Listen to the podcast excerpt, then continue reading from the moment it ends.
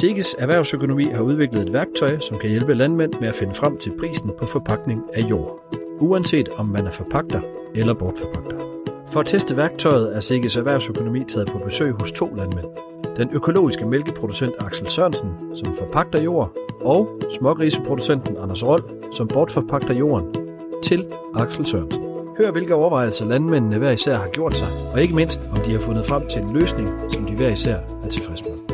Første stop på turen er Axel Sørensen. På besøg hos Axel Sørensen er seniorkonsulent i erhvervsøkonomi Ove Lund.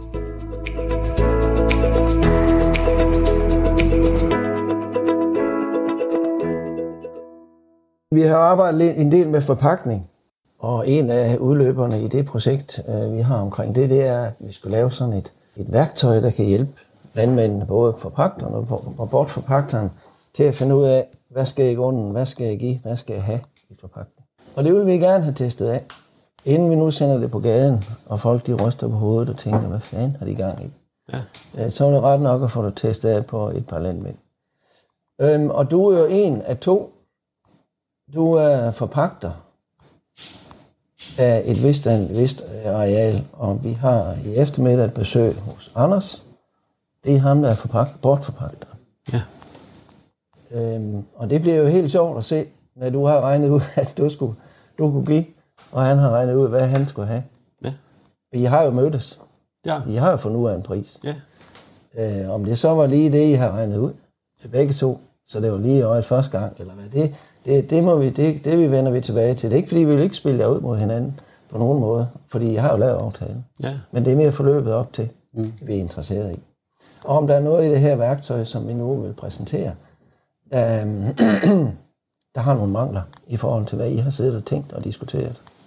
Jeg kunne egentlig godt tænke mig at starte med, ja, jeg tænkte, inden, at, hvordan er det nu lige, hvad er det for noget, hvad er det for en bedrift, bare ganske kort, hvad har du, hvad har du øh, forpagtet i hektar? Hvorfor har du gjort det? Hvad skal du bruge det til? Øh, og så kan vi prøve at snakke om den der, den der din beregning ja. bagefter. Ja. Jamen, vi har 250 køer, og inden for pakningen drev vi 260-70 hektar. Grunden til, at jeg forpagtede, det var for at blive selvforsynende med korndelen, stivelsesproduktionen. Fordi der var, hvad skal vi sige, markedet var relativt højt prisniveau i hvert fald, og, og vi har en fornuftig lav fremstillingspris på lavfoderkorn til egen forbrug. Øh, så jeg var interesseret i noget ekstra jord, og fik en dialog med Anders i gang, og han havde noget jord, som lagde fornuftigt hos mig, og, og så var det egentlig, jeg skal sige, relativt let at nå frem til en forhandling, synes jeg. Øh, og vi gik sådan lidt efter, hvad prisniveauet måske er i området, og, og så også lidt, hvad, hvad vi har indtægter på det. Hvor mange, hvor mange hektar er det? Det er 6-97, tror jeg. Øh, ungefær 100. Ja. Og det er jo så alt, der er, jeg tror, der er 4 hektar, sådan noget, hvad kalder vi det? Eng. Og, mm. Men det bliver afgræsset, og, og det, kan sige, det er der, vi, vores mælkeproduktion kommer ind, den har lidt, lidt gren, hvor de kan nå ud i de der områder, som, som primært ikke giver noget indtægter for, for Anders. Ja. Så det er, du, det, det er ikke fordi, du skulle have noget jord til noget, noget grovfod eller noget? Nej, vi var, eller vi var godt dækket ind, og ja. så, jeg kunne så se, hvad skal man sige, synergien i at få lidt ekstra til sædskifte og sådan noget, og med hensyn til, til overfordelen, det er fornuftigt nok lige at have et, et, et sædskifte, som er varieret, og som mm. for at undgå klodrethed og den slags ting, så ja. økologisk mælkeproduktion. Så, så du har din, øh, din stivelsesdel, som du kalder det, altså, altså øh, korndelen, den, den har du så købt? Ja. Ved fodstoffen eller en nabo? Før eller? købte jeg det, øh, fod, nok halvdelen fodstoffen, og halvdelen købte jeg i, hvad skal man sige, det omkringliggende marked. Ja. Af økologer, der var. Ja. Øh, men, øh, efter... Og det mener du så godt, du kan fremstille billigere selv? Ja, det kan jeg godt. Det kan vi sagtens ja. sige. Ja, okay. Det kan vi sagtens. Ja. Øh, og Jeppe og Anders fik en snak om, hvad er, og vi var sådan set enige om prisen. Men det, det vi, hvad skal vi sige, det vi og, jeg ved ikke, hvad har sagt, tumle lidt med, men det er jo lidt det juridiske i det. Og der var nogle aspekter, vi lige skulle, eller nogle ting, vi skulle have, have, have belyst for begge parter. Altså, når det var så stor en, for vores begge vedkommende, så stor en del. Ja. Ja. Der er jo forholdsvis mange penge i spil. Ja. Øh, de, de juridiske aspekter, nu, nu det er jo ikke kun et regneværktøj, vi har arbejdet med, vi har faktisk også arbejdet med øh, kontrakten, den der ja. standardkontrakt. Mm. Er det den, I har arbejdet med? Ja, men det er også for, øh, vi gennemgik øh, med en advokat en, en, de juridiske aspekter, hvad der var af faldgrupper for begge parter. Altså, uh-huh. og der kan jo være faldgrupper for begge parter. Altså, uh-huh. Jeg er jo ikke bedre end mig selv. Nej.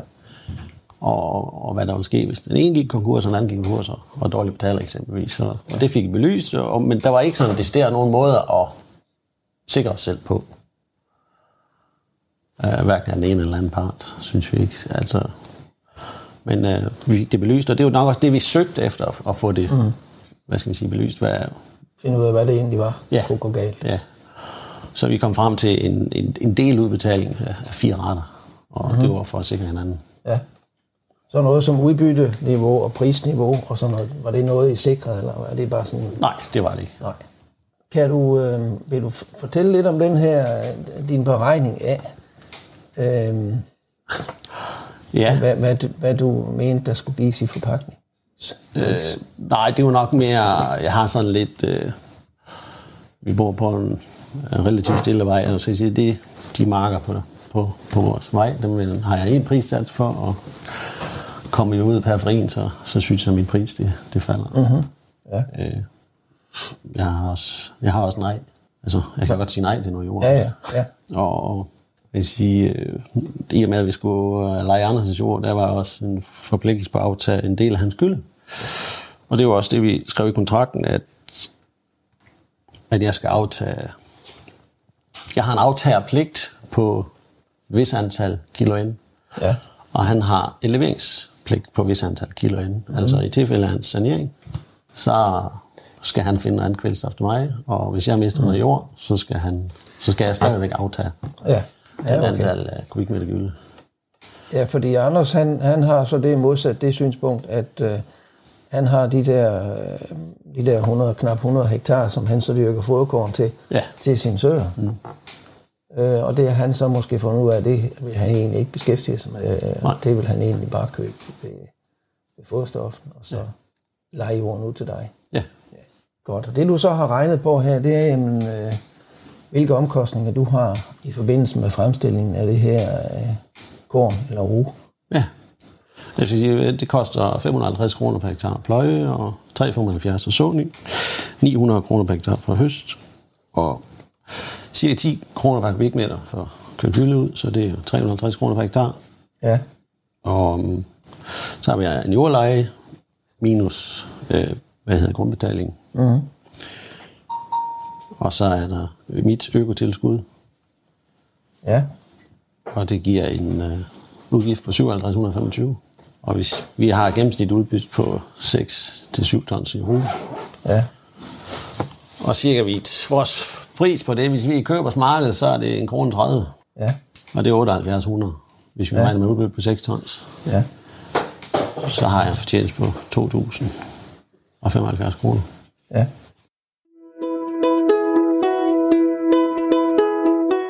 Det viste sig dog hurtigt, at det værktøj, Sikkes erhvervsøkonomi havde udviklet, havde udfordringer med at lave en præcis beregning hos Axel Sørensen.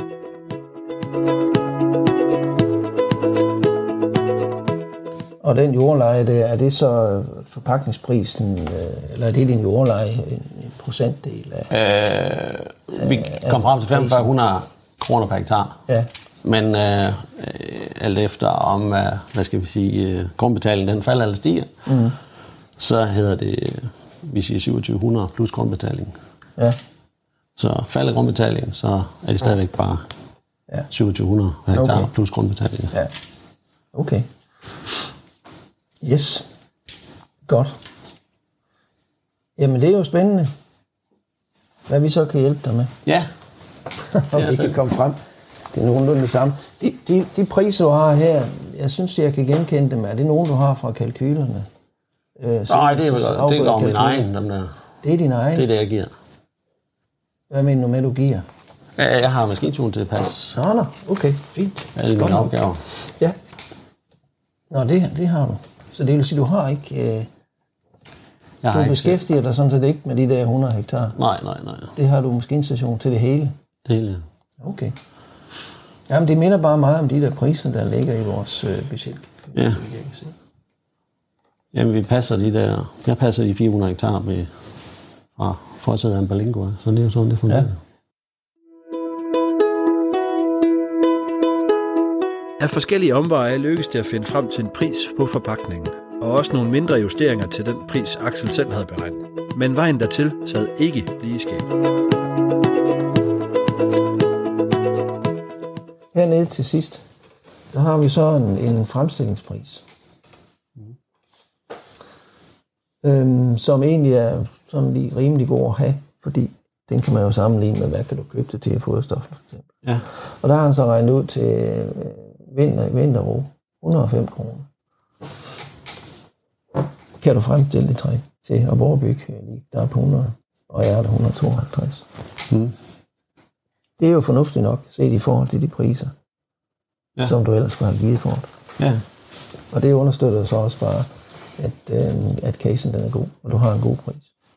Og jeg vil tro, at når man så kommer over til Anders i eftermiddag, så vil han også tænke, jamen det er faktisk en god pris, fordi han var ikke sikker på, at han kunne have for ham have fremstillet kornet øh, til en, en, en, øh, en lavere pris, end det han skal give for stof.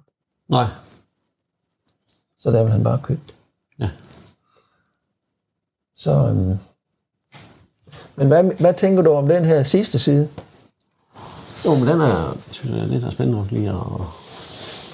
Jeg lige får et overblik over, hvad er det i grunden? Fordi det er det, som, øh, som mange ikke de sige- spørger efter. Hvad Ja. giver naboen, eller hvad giver man i området? Ja, hvad siger du lige, lige det her område, det, det er husdyrtæt.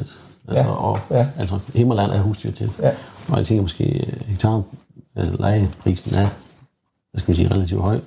Ikke, at, Ja. ikke at det er ens betydende med, at man skal give mere.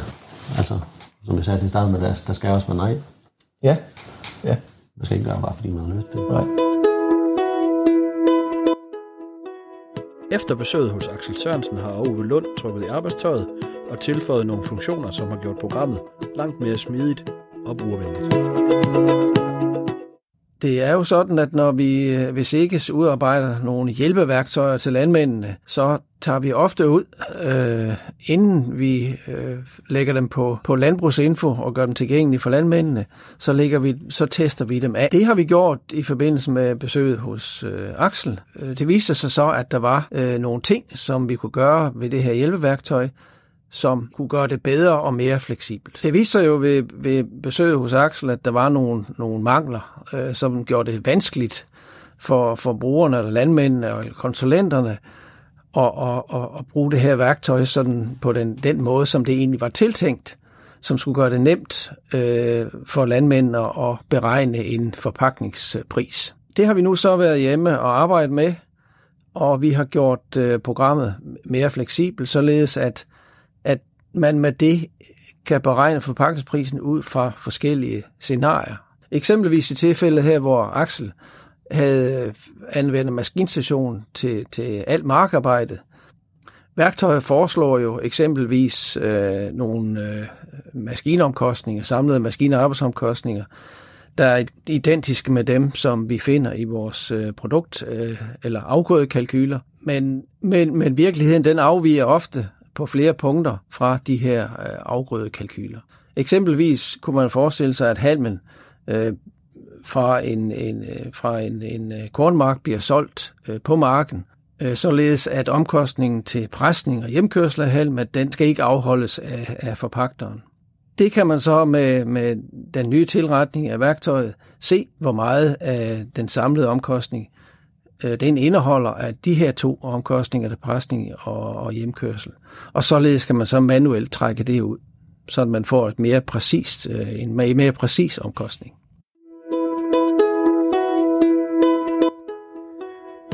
Det var alt, hvad vi havde til jer i denne omgang. Husk at lytte med, når vi tager på besøg hos bortforpagter Anders Rund.